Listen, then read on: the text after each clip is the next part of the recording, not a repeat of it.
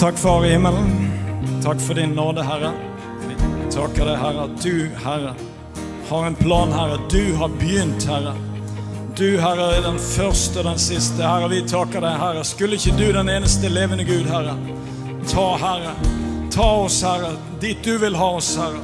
Led oss, Herre. Før oss, Herre. La det bryte igjennom, Herre, som vann bryter igjennom. Vi takker deg, Herre, for din store trofasthet, Herre. Den eneste levende Gud, Herre. Du er verdig, Herre. Våre liv, Herre. Du er verdig, Herre. Gi oss ord, Herre. Gi oss ører til å høre, Herre. Ord og tale ditt ord i dag, Herre. Vi takker deg at du, Herre, ved din Hellige Ånd, Herre, skal utfordre oss i dag, Herre. Hjelp oss, Herre, til å bli mer lik deg, Herre. Leve det livet du har tenkt, det du har bestemt, Herre. Vi takker deg for din trofasthet i dag, Herre. Velsign din forsamling, Herre. I Jesu Kristi navn. Vi takker deg, Herre. I Jesu navn. Og alt folket sa Amen. You may be seated. Du kan få sette deg.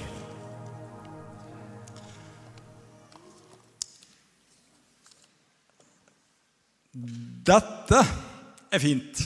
Det står om at han kom til sine egne. Så mange gode, egne, fantastiske mennesker på samme sted. Det er rett og slett et privilegium. Det er forunderlig. Så da, i dag har jeg en tittel som eh, noen av dere kanskje vil være fristet til å føle seg utenfor. Men dette gjelder alle, så hvis du følger godt med, så gjelder det sikkert enda mer deg som tenker det ikke gjelder deg. Litt kryptisk, men her kom tittelen. Norsk kristenliv. Norsk kristenliv. Det er jo litt spesielt når man er misjonær i Italia og har det som tittel. Men eh, vi får håpe at eh, Herren ved sin ånd hjelper oss alle sammen, så vi skjønner hva det handler om. Jeg er som eh, sagt, jeg bor i Italia, jobber med ungdommer, holdt på med det i mange år. Eh, ser virkelig Italia som et kjempepotensial for Guds rike.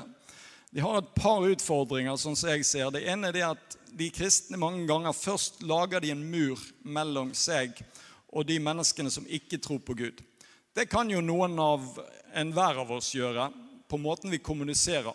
Og den neste lille utfordringen som de har, det er at det er veldig lett at man tenker at det er en pave, at det er en prest, at det er noen som skal gjøre alt i Guds rike. Og de to tingene gjør at veldig mange mennesker som tror på Gud, de tror på Jesus, de tror på det overnaturlige, de, de søker, de leter, men de klarer ikke, sånn som Anne forklarer, så klarer de ikke å få hørt på en måte som gjør at de kan skjønne.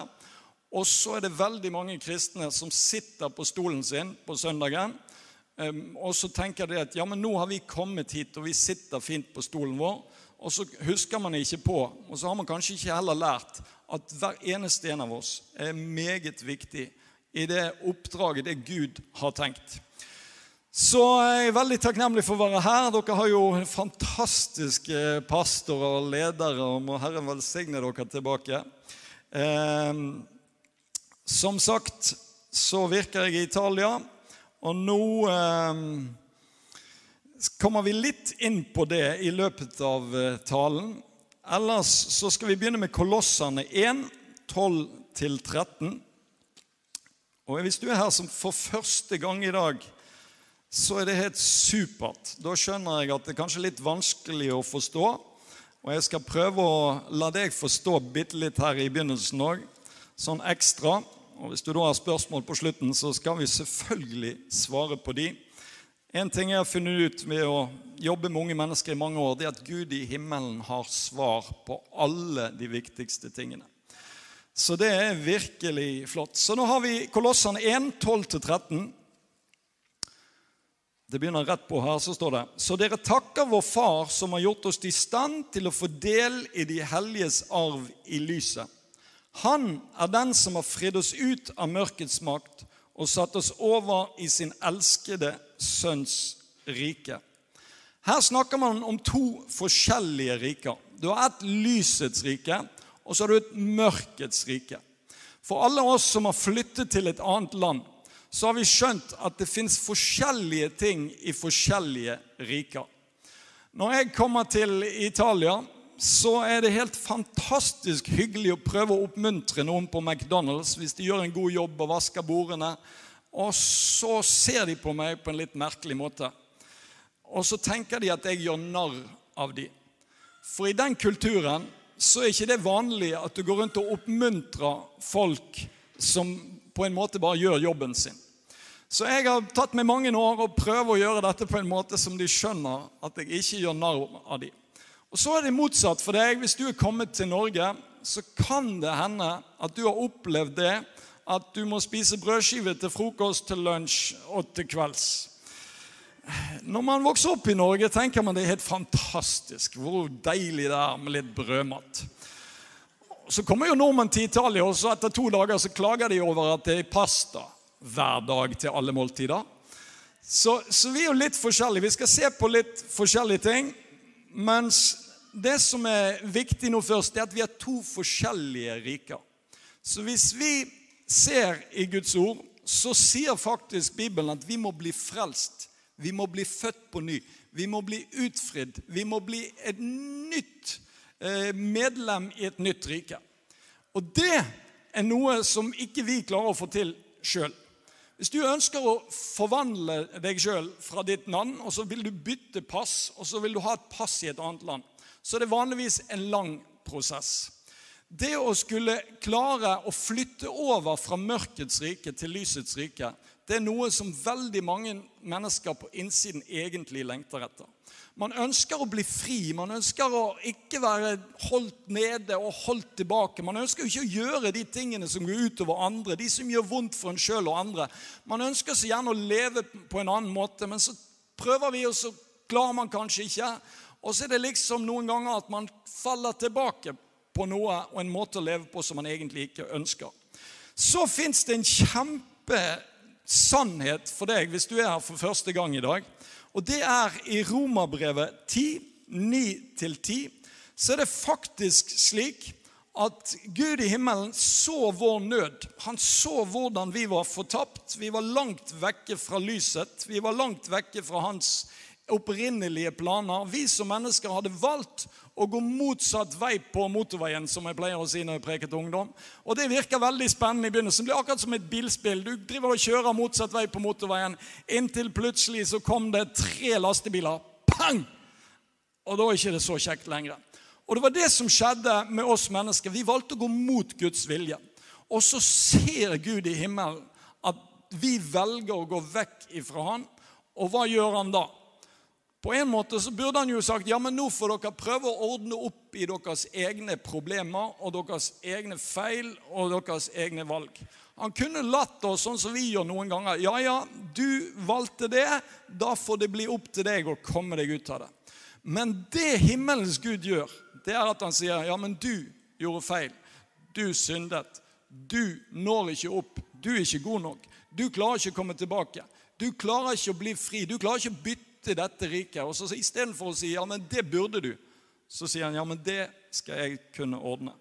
Og så sender han Jesus til jorden. Når Jesus kommer til jorden, så er det faktisk slik at Jesus lever i denne jorden, på denne jorden som et menneske. 100% Gud, 100% menneske.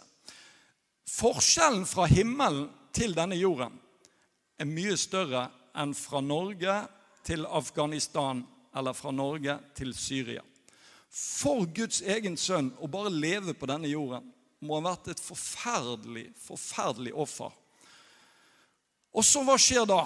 Jo, så sier han ok, men jeg skal ikke bare leve blant dem for å vise hvordan Gud hadde tenkt man skulle leve. Jeg skal faktisk være villig til å bytte plass. Og så kommer Jesus og sier han, den straffen som du har fortjent, den mangelen som du har, det som du ikke får til, alt det der, sykdom og straff og synd, det skal jeg betale.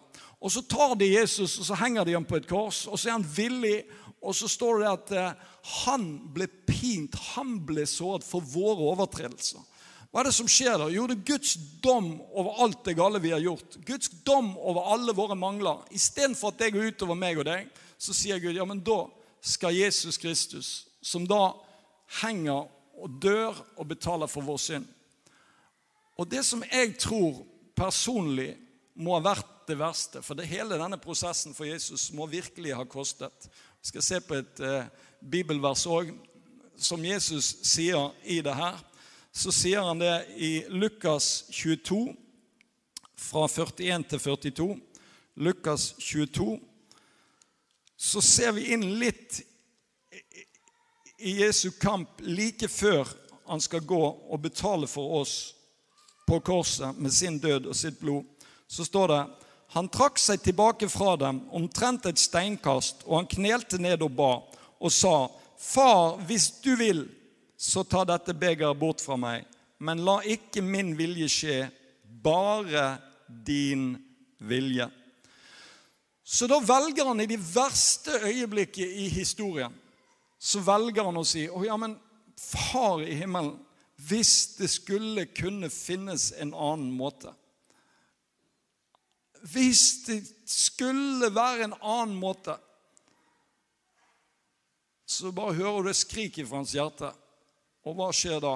Så sier han, men ikke min vilje, din vilje. Så gir han seg over til Guds vilje. Og så henger han, og så dør han i vårt sted. Og En ting som har slått meg i det siste, det er at også vender Gud seg fra. Du kan tenke at Først kom Jesus ned på jorden, levde blant oss, noe som for han må ha vært helt forferdelig sammenlignet med himmelen. Så dør han frivillig ut av kjærlighet for oss, og så opplever han at Gud i himmelen vender seg fra ham, og så blir han der igjen, for første gang i historien, alene, skilt ifra Gud i himmelen. Sånn at du og jeg aldri trenger å være skilt fra Gud i himmelen. En voldsom kjærlighet, en voldsom offer for meg og deg. Og hvorfor gjør han det? Jo, fordi han elsker oss. Hvis du er her for første gang, så skal du vite det at religion som vi lærer i Italia, der vi må ta oss sammen, der man må prøve å få ting til, der man klarer så godt man kan Det er kanskje de som har talent, som får det til. Det er ikke sånn Gud i himmelen har gjort det. Gud har bestemt at han betaler og han vil hjelpe, han vil betale, han vil fri oss ut. Han vil gjøre oss hellige, han vil frelse oss. Og så har vi et valg som vi må ta. Og Da har jeg vært i 53 forskjellige land. Og Når jeg deler dette med ungdom, så sier jeg etterpå ja, men hva trenger vi å gjøre? Jo, vi trenger å tro at Jesus døde for vår synd. Og da når jeg har forklart litt, så pleier de liksom å være med på den. Og så kommer jeg til den vanskelige biten. Og det står i Romerne 10, 9 og 10. Og når dette punktet kommer opp, så pleier de å se litt skeptisk på meg. Og I mange år så har jeg prøvd å forklare dem jo, jo, men dette det er bedre. Det er bedre, det er bedre. Men da ser de fremdeles litt skeptisk på meg. Men nå skal vi se om vi skjønner det. Romerne 10, 9-10 så står det For dersom du bekjenner Herren Jesus med din munn og tror i ditt hjerte at Gud har oppreist ham fra de døde, skal du bli frelst. For med hjertet tror en til rettferdighet, og med munnen bekjenner en til frelse. Så hva er det Bibelen sier man trenger å gjøre for å bli frelst? For å få dette evige livet, for å bytte fra mørkets rike til lysets rike. For å få del i 3000 løfter som Gud i himmelen har laget ferdig for oss. Hva er det vi trenger å gjøre? Jo, vi trenger å tro i vårt hjerte at Jesus døde for vår synd. Og så, hva trenger vi å gjøre? Jesus til Herre. Og Nå er det et ord som kanskje har mistet sin mening på norsk. Jesus som Herre. Men sånn opprinnelig, når de leste det her, så skjønte de veldig godt hva det betydde. Der hadde du slaver, og så hadde du herrer. Du hadde mennesker som ble eid av andre mennesker. Du hadde noen som bestemmer over deg hvis du er en slave. Og For oss i Norge vet du, så er det noen ganger til og med at sjefen ikke kan bestemme og si hva du skal gjøre. For det har en tendens til å bli dårlig lederskap. Hvem er sjefen min som skal bestemme over meg? Og sånn fins det når jeg prøver å forklare ungdommer. Så sier jeg, men jo, men det er jo bedre at Jesus er sjefen, han bestemmer osv. Og, og I mange år så var det litt vanskelig. Nå har jeg funnet perfekt, et perfekt eksempel. Skal, skal vi se om du klarer å forstå det her. Hvis jeg sier til deg, jeg leker ikke med mobilen mens jeg preker fordi jeg ikke har noe annet å gjøre på. Du må ikke leke med mobilen mens du hører på heller. ok? Så eh, noen vet du, av oss som kan bli fristet. Men mobilen skal være avslått på møtet, utenom min.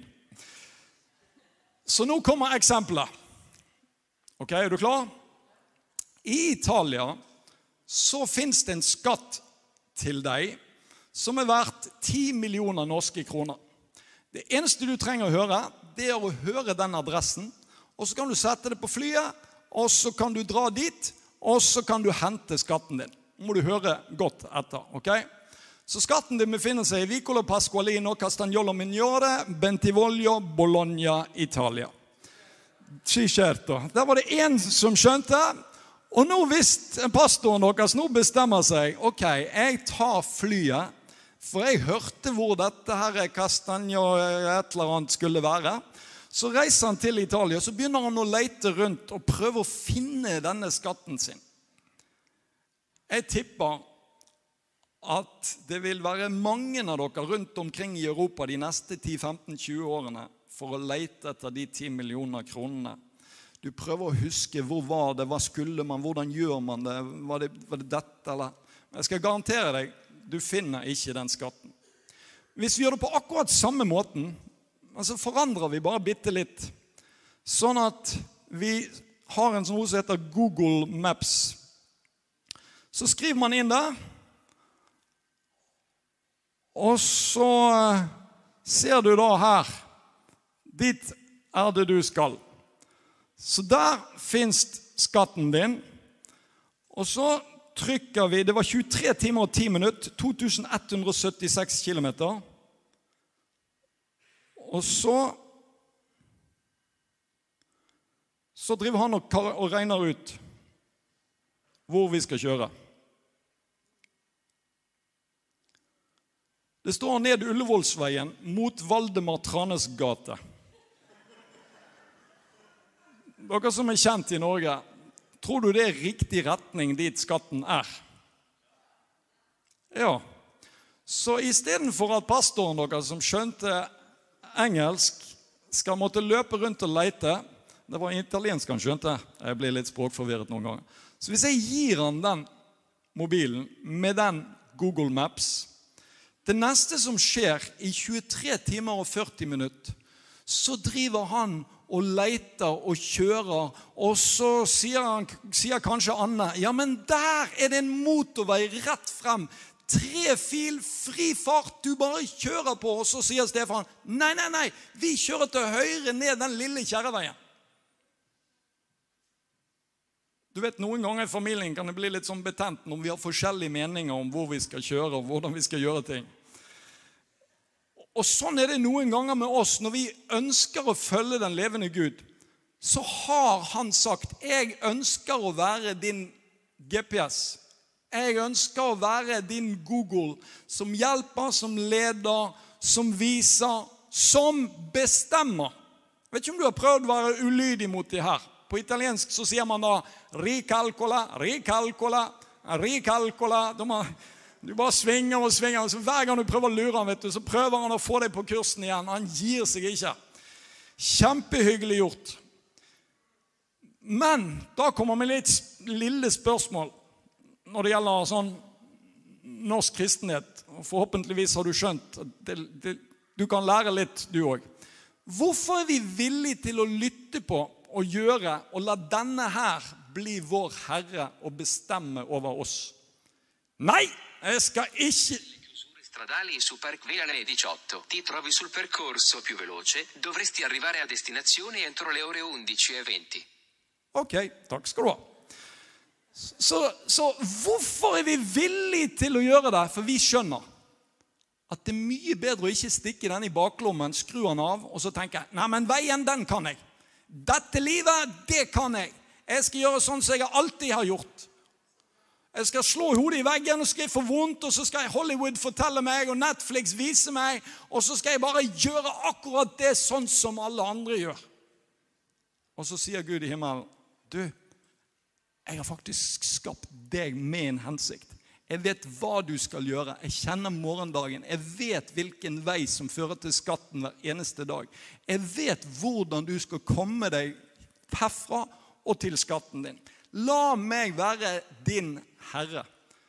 Det er akkurat det samme som hvis du hadde en far med en gutt på to år. liksom.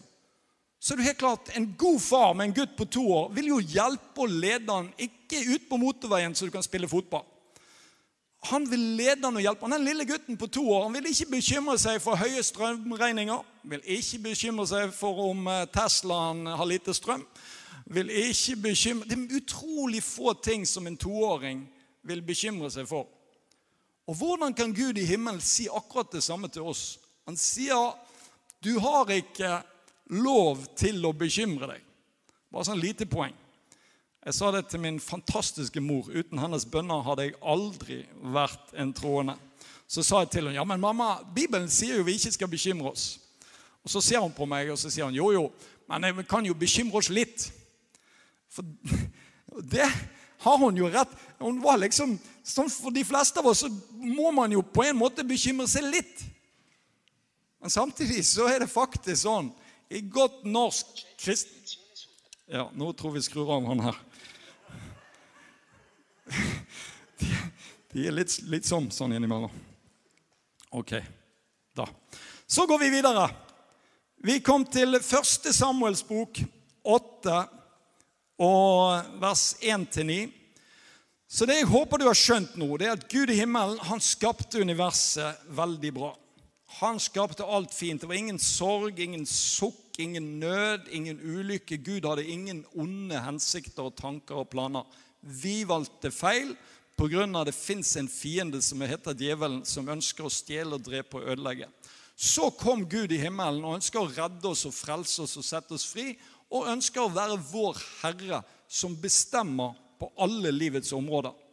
Og Så skal vi se eh, et par eksempler på de her tingene. I 1. Samuels bok 8, 1-9, så står det Da Samuel var blitt gammel, skjedde det at han satte sine sønner til dommere over Israel.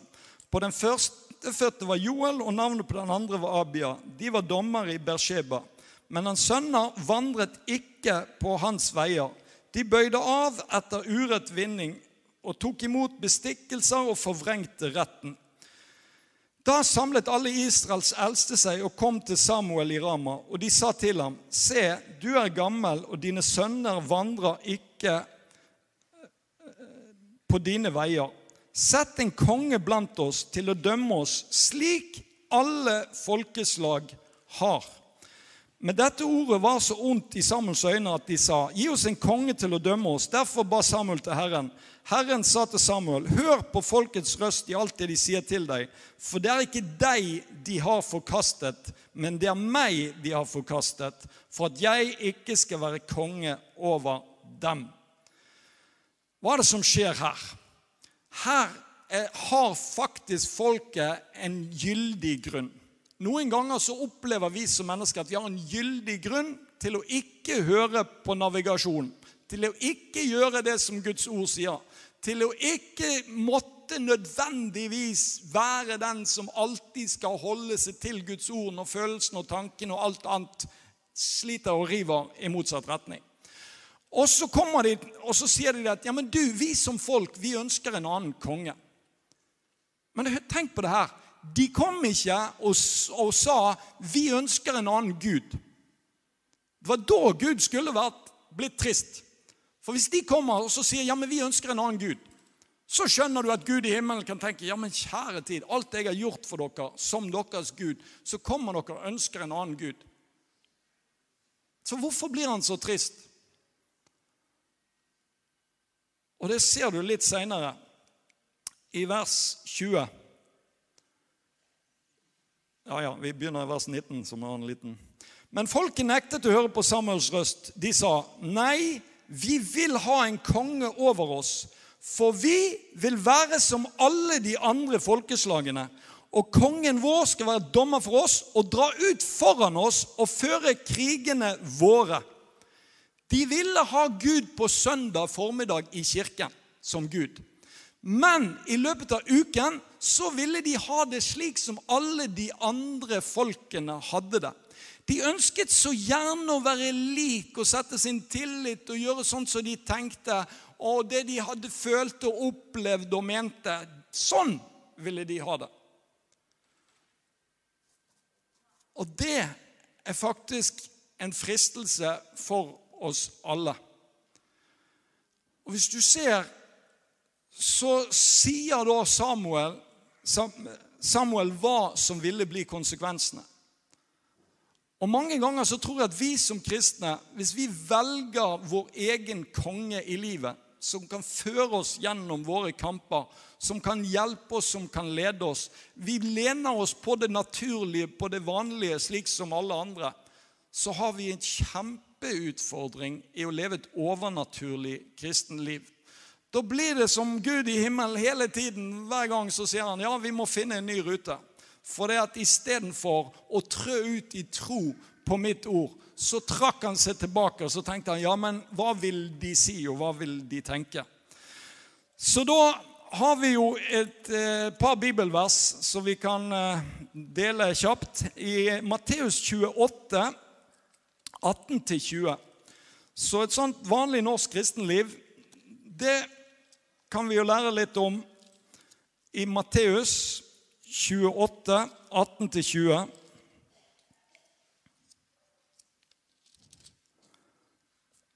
Og Jesus sto fram og talte til dem og sa, 'Meg er gitt all makt i himmel og på jord.' Gå derfor ut og gjør alle folkeslag til disipler, idet dere døper dem til Faderens, Sønnens og Den hellige ånds navn, og lærer dem å holde alt det jeg har befalt dere. Og se, jeg er med dere alle dager inntil denne tidsalders ende. Ok, Jesus er originalen. Så har han disiplene som skal være samme originalen for de som kommer etterpå. Så tanken var at du skulle ha en original som lærte noen andre. Så lærer de, så lærer de, så skal man lære dette videre. Noen ganger kan vi som kristne ta ting for gitt. Vi tenker ja, men det er jo helt klart. Skal jeg gi deg et lite eksempel. Hvis jeg sier hva Du har et dyr, f.eks. Jeg jobber litt med ungdom iblant, så derfor er det noen av eksemplene som er litt sånn ungdommelige, men det tåler dere. Ok, Så er det noen som tenker ja, men hva sier dyrene i de forskjellige land? Det er jo helt klart at En hund i Norge er jo en hund i Tyskland. Det er jo snakker jo ikke tysk en tysk hund. Det skjønner du. Det er en tysk hund, og så er det en norsk hund, og så har du forskjellige land som har hunder. Og Da skulle jo tro at de her hundene de er en hund uansett hvor de bor på planeten. Så skal vi finne ut Eh, er det noen som Ok, nå tar vi først norsk. Hva sier en norsk hund? Skal vi si én, to, tre. Voff, sier en norsk hund. Kjempebra. Er det noen her inne som kommer fra et land der hunden ikke sier voff? Hvis du, nå må du rette opp. Ok, nå må vi prøve, prøve her. Ok, Du må si lyden til hunden, da. På russisk det gaff, gaff. Gaff, gaff. Ok. På italiensk betyr gaff det er når du har gjort en tabbe. Så det er hundene på russisk. Ok, Da har du gaff, gaff sier på russisk. Andre språk. Du har annen lyd for hund. Hva sier din hund i Frankrike? Waff, waff. Ok, det var nesten. Ok, Annet Vi får ta Ja, vi tar her, da. Ruff, ruff. Ruff, ruff, det var i Amerika. Ok, Vi får ta en, en hane. Hva sier en hane? På norsk så sier han hane kykeliki. Ok, i ditt land fins det noen som har en hane som snakker annerledes? Ok. Kokoriko. Ok, fantastisk. Det var en Ja, hvilket språk var det? Your language? Russian. Russian. Bog blagaslavita vas. Uh, uh, Brezhnev. No, that was something else. Ok, ok, da er vi tilbake. Siste.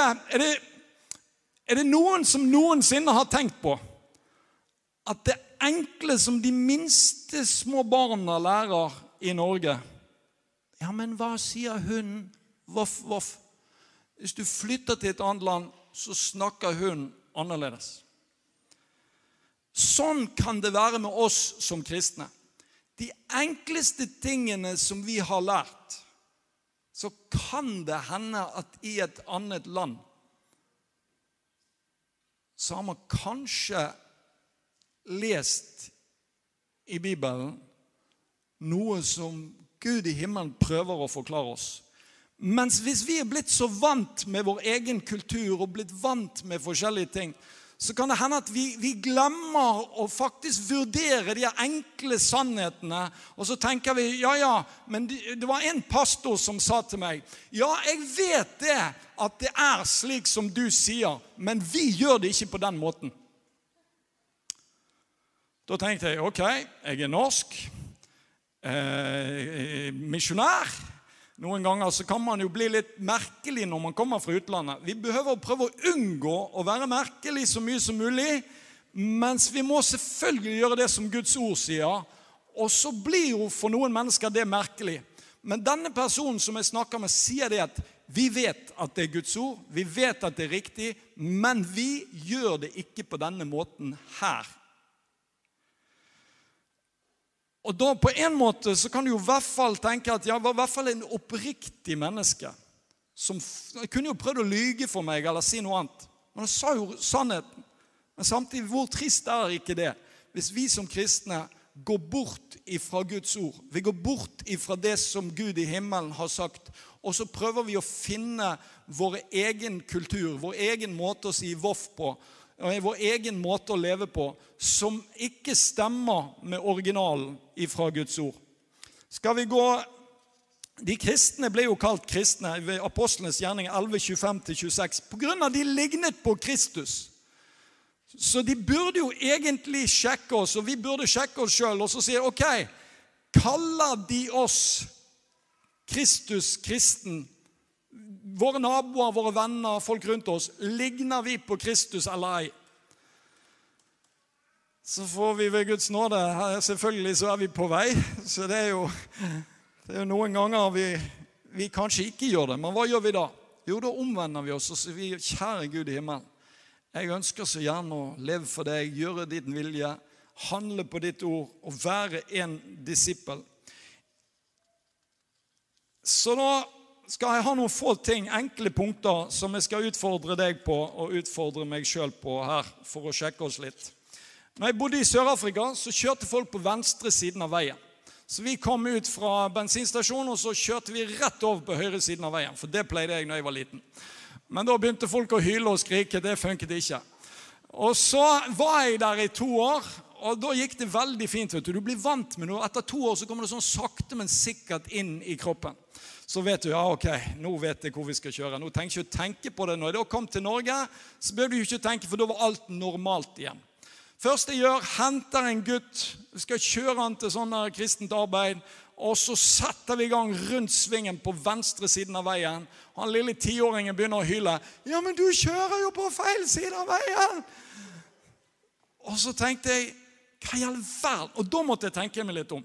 For først hadde jeg lært vi skulle kjøre på høyresiden av veien. Og Så kom jeg til Sør-Afrika, så begynte folk å hyle og skrike hvis jeg kjørte på høyresiden. Så da måtte jeg forandre mening. Og så måtte jeg begynne å kjøre på venstresiden. Og det var litt vanskelig, for jeg hadde jo alltid lært høyre. Og så lærte jeg venstre, og da lærte jeg venstre skikkelig godt. Men så skulle jeg jo tilbake til normalen. Og da tenkte jeg da behøver jeg ikke å tenke på det, for nå er det normalt. Så kom jeg dit, og han lille gutten reddet både, sikkert både meg og bilen og det meste. Full fart rundt svingen. Ja, men du kjører, Og da tar jeg opp i hodet mitt Høyre, venstre, høyre. Lurer meg? Hva skjer? Hjelp, hjelp, hjelp! Ja! Så klarte vi å få han inn igjen. Så der er det noe med oss som mennesker. Det er utrolig hvor vi blir påvirket av våre venner, av media, av filmer vi ser, av folks oppfatning og mening. Eh, neste lille historie den må vi ta vekk fra tiden min. ok? Dette er en sånn bonushistorie. Tels ikke når det gjelder tiden min til å preke. Jeg sitter i Italia To hus nedenfor så jobber det en sånn viktig kar i Ferrari. Gutta mine, masse italienske ungdommer, og så sitter vi og skal se en film, Ford mot Ferrari. Dette er basert på en sann historie. Og så sitter vi dit, så blir filmen spennende. Du følger personen. Og så sitter alle gutta, hele gjengen, og heier på Ford. Og at de skal vinne dette løpet. Ja, det kan jo du si. Kanskje du heier på Ford. Men hvis du bor like i nærheten av Ferrari-fabrikken, naboen jobber på Ferrari, og hvis du har sett en gammel Ford Fiesta og så har du sammenlignet den med en Ferrari, så kan ikke de her italienske ungdommene sitte og heie på en Ford. Jeg mener All respekt hvis du har Ford Mustang eller et eller annet sånt. De er jo nesten fin. Jo, de er fin. Jeg skulle hatt meg en sånn. Men hvis du sammenligner, så er det helt klart at Ferrari det er jo utrolig. Så sitter alle, og så heier de på Ferrari. Hvorfor kunne de gjøre det? Nei, Ford gjorde de. Takk skal du ha. Hadde vært fint hvis de heier på Ferrari. Hvorfor kan de gjøre det? Jo, for de som laget filmen, de bestemte hva de som ser på, skulle mene. Det er faktisk sånn. Den ble laget i Amerika. Så de kan bestemme hva du og jeg vil mene. Nei, de bestemmer ingenting. Ja, Men hvorfor er det så mye reklame, da? Milliarder på milliarder. For de vet at hvis de bare kjører på nok ganger, så kan de lure forskjellige ting inn i samfunnet, i våre tanker, i vårt liv. Og så blir det plutselig vanlig. Og så fins det jo folk i Italia som ikke tror på Gud. Så skjønner de ja, men du har menn, og så har du kvinner. Også i Italia så tenker de til og med det at i Guds forsamling så er det faktisk slik at en mann og en kvinne skal gifte seg. De forventer at vi som Herrens tjenere i Italia sier at homofili det er ikke sånn Gud hadde tenkt, og at det er synd. At Gud hadde en annen plan. Det forventer mennesker som ikke tror på Gud, at de kristne skal mene. Hvorfor det? Jo, for det står jo i Romerbrevet 1. Det står i Bibelen. Så de som ikke er kristne, de forventer at de kristne skal gjøre det som står i Bibelen. Mens vi som kristne noen ganger vi sitter og heier på Ford. Vi heier på noe som er fra mørkets rike, som ikke stemmer, som ikke er sant, som ikke er riktig. Jo, hvorfor det? For vi er blitt påvirket. Vi er blitt sånn kanskje sånn norsk kristenliv. Og hjelp, sier jeg. Må vi bli sånne kristne som går tilbake? Hvordan var originalen? Hva sier Guds ord? Som søndagsskolen lærer oss, vet du, vi må bygge på klippen, på Guds ord, på sannheten. Det er ikke sant hvis en jente har problemer med anoreksia. Så betyr det at det er noe feil. Hun opplever det. Det er et stort problem. Det er vanskelig. Man sliter. Men den jenten, 99% har en sykdom som vi alle i dag innrømmer og skjønner. Ja, men selv om følelsene dine sier det, selv om du har problemer, selv om det er vanskelig, så er ikke det sant at du er tjukk. Det er ikke sant at du ikke er verdifull hvis du ikke ser ut sånn som de der på Instagram som har brukt eh, Photoshop og filter og alt mulig. liksom. De har bare forandret det ene og andre. Det er ikke sant, men vi føler det, vi opplever det slik. Hva er det som er sant? Jo, det er Guds ord er sant. Så da gir jeg deg, mens, nå løper vi bare gjennom noen punkter. Så kan du sjekke deg sjøl, skal jeg sjekke meg sjøl. Så må Herren gi oss nåde. ok? Nummer én. Romerne 5, 17. Romerne 5, 17 sier at vi skal regjere i livet. Du og jeg, regjerer vi i livet, eller er det kanskje livet som regjerer over oss? Jeg snakket med en i Italia. Han skulle flytte til en by der det var ikke noe med en menighet, og det var ikke noe for barna hans, men det var der jobben han hadde mulighet til å få seg jobb. Hva skjer med barna da? Hva skjer med evigheten for både han og familien? Jo, men det måtte han. Jo, det er mange ting vi må. Så fins det noen mennesker som velger å gå motsatt. Antonio, hvis du kommer. Så Romerne 5,17 sier at vi skal regjere som konger i livet. Du og jeg, vi er ikke kalt til å bare bli en del av strømmen. Noen ganger oppleves det som eh, hvis du har sånn hamster, så du har sett sånn bur med hamster. Så går hamsteren inn i buret sitt, så tenker han i dag skal vi virkelig gjøre fantastiske ting og komme oss dit vi ønsker. Så begynner hamsteren. Du skal se de der hamsterne løper. altså. Det er fantastisk så de løper. Og etter de har løpt liksom hele formiddagen som en gal, så går de ut igjen, så er de på nøyaktig samme sted. Hvor løper vi som mennesker, og hvorfor løper vi? Jo, mange ganger så er det for noen har sagt du må, du er nødt, du skal. Det er sånn man gjør det. Sånn lever man. Sånn. Og, så, og så blir man tvunget inn i et mønster der istedenfor å leve etter Den hellige ånds røst og gjøre Guds vilje, så blir man formet og presset inn i et sånn lite bur. Og så løper man som en gal. Jo, hva vil man oppnå da? Jo, kanskje mer penger, kanskje bedre fremtid. Man vil ha lykke og glede. Og da, hva sier Skriften? Det er helt sjokkerende hva Guds ord sier på den. Lukas 12, 15. Når vi løper rundt i dette livet her, vet du, og tiden går fort Tiden går skikkelig fort. Antonio, det vi venire på, da. Eh, Lukas 12, 15. Der står det Han sa til dem, se til at dere vokter dere for grådighet, for ens liv består ikke i å ha overflod av eiendom. Ens liv består ikke av overflod av alt det man har. Jeg kan huske Ved Guds nåde så har jeg holdt holder på å fullføre et sånt mirakelprosjekt. Herren velsigne dere alle tilbake som holder på med det.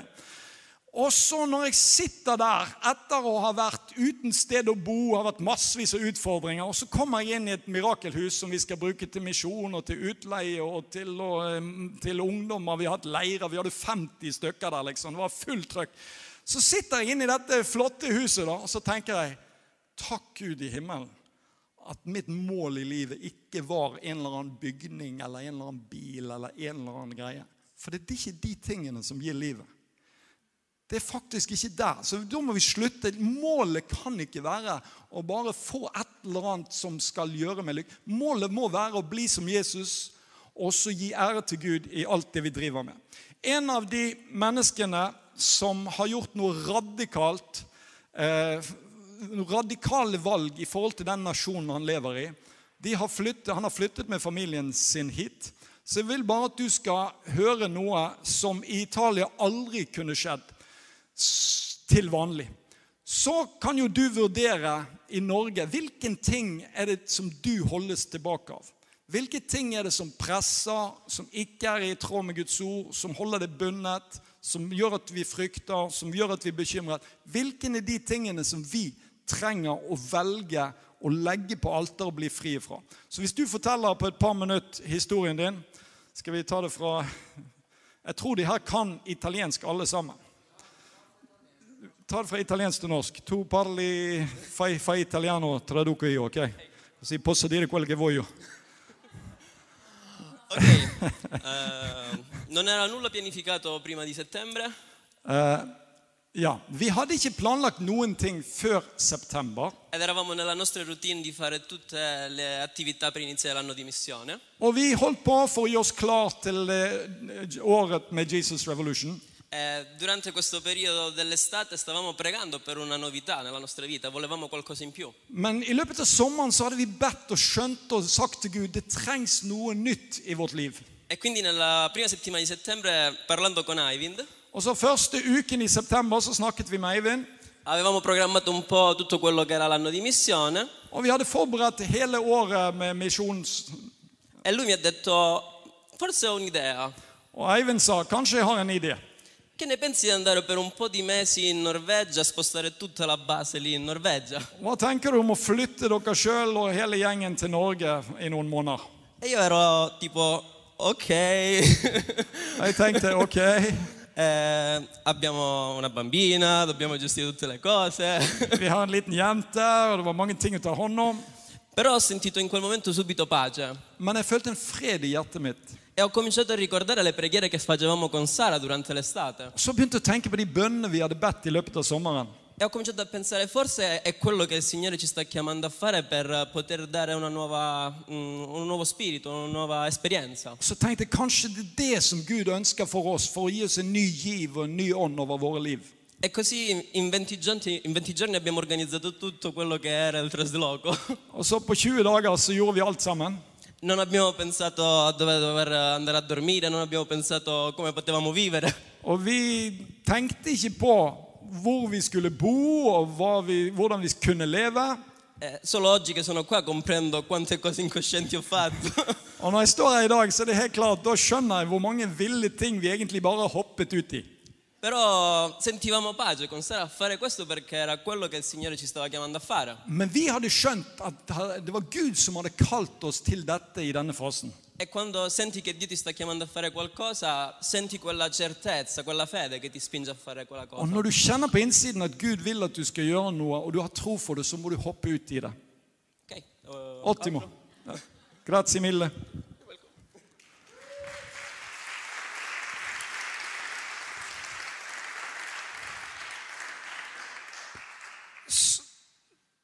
Så det han hadde gjort for noen år siden, var å slutte en fast jobb for å bli fulltidsmisjonær i Jesus Revolution. I Norge kan du slutte en jobb Og hvis du, hvis du har lyst, så kan du bare begynne en ny jobb. Mens i Italia så er det rett og slett sånn at hvis du har en jobb, så sitter folk fast og henger seg fast på jobben sin hele livet. For det er den jobben som de kanskje kan få, som er ok. Så de her har virkelig tatt noen valg. Nå må dere passe godt på dem de her månedene når de er her. Oppmuntre de, velsigne de, be for de, gjøre alt mulig. Vi òg trenger som Guds folk, og det er en fantastisk i denne menigheten, at det kan være noen går, og så er det noen som sender. Det kan være at du ikke har den muligheten til å trø ut og plutselig bare reise og bli misjonær et sted. Men du kan ta hånd om de misjonærene som kommer. Kan, eh, kan, vi kan Sammen så trenger vi være et legeme. Så noen andre ting kjapt. Matteus 6, 33, så søk, står det 'søk først Guds rike'. Hva er det vi pleier å søke først? Jo, sikkerhet, trygghet. Vi må ha en plan, vi må våre veier. Hva om naboen blir litt sint på oss hvis vi inviterer ham på møte? Hva skjer hvis du ber for noen og du ikke blir syk? Hvis vi søker først Guds rike, hans drømmer, hans planer, hans veier, det er kristendom. Neste. Jesus sa i Matteus 4, 16, 17 og 18 så står det 'Følg meg, og jeg skal gjøre dere til menneskefiskere'. Følg meg. Der Jesus går, så må vi henge på.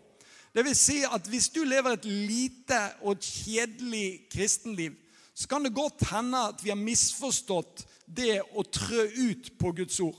Vi trenger å risikere. Hvorfor? Jo, for Jesus sier 'følg meg'. Alle som har fulgt Jesus i historien. Det står at vi har løfte om at vi skal bli forfulgt. Det er faktisk en kostnad. Det er noe ved dette livet som er risikabelt. Sier, Bibelen sier fire plasser at den troende, nei, den, eh, den rettferdige skal leve ved tro. Så det at hvis du sitter så trygt og koselig, sånn som det er lett for oss Vi jobber alt vi kan for å få det trygt og koselig. Så kanskje du skal si opp jobben din og begynne å hjelpe til i misjonsarbeidet. Kanskje du skal eh, gjøre noe radikalt når det gjelder givertjeneste, eller be for naboer, eller bare den drømmen, det som Gud har på innsiden. Ja, Men hva skjer hvis det ikke fungerer? Og det skal jeg forklare deg. Når, når, du sitter der ute på misjonsmarken og tenker nå raser alt sammen Jeg måtte legge Mirakelhuset ut nesten til salg. Så bare legger du alt på alteret så sier du, 'Kjære Gud i himmelen, nå virker det her som det skjærer seg alt sammen.'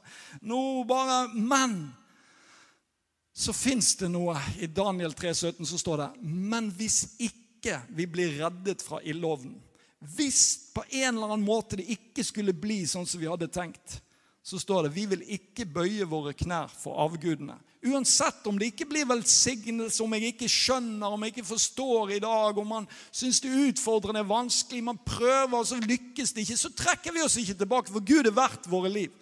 Gud er verdt vår tid, våre penger, våre drømmer. Gud er verdt alt. Selv de gangene når den navigasjonen sier 'sving til høyre ut på Kjerreveien', så kommer du ut på Kjerreveien, så tenker du 'her var det jo ingenting' før du plutselig oppdager at det kommer en sånn svært amerikansk helikopter når du tror du er død. Så du løfter han opp bilen din, så flyr han deg over dammen. Så tenkte du wow, det hadde jeg ikke tenkt. At løsningen, mirakelet, skulle komme derfra. Det fins et eventyrliv i Gud. Det fins en bok å følge. En sånn ting jeg gjorde for mange år siden, da det var det mørkeste i mitt liv, så lå jeg på gulvet. Så kan jeg huske jeg hadde to valg. Så var det enten så tar vi bitterheten, for dette er urettferdig, dette har skåret seg, dette er ikke riktig, dette går ikke an. Og så den bitterheten, så kan man begynne å ta den inn i hjertet sitt. Eller så ligger man der og så sier man, kjære Gud i himmelen. Om ingenting fungerer, om jeg ikke skjønner noen ting, om alt skjærer seg, så velger jeg å adlyde og gjøre ditt ord uansett hva de sier. Jeg kommer aldri til å heie på Ford hvis Gud i himmelen sier du må velge Ferrari. Og, og, og, det er faktisk et reelt valg for oss alle. Så da er vi egentlig Kan vi reise oss opp?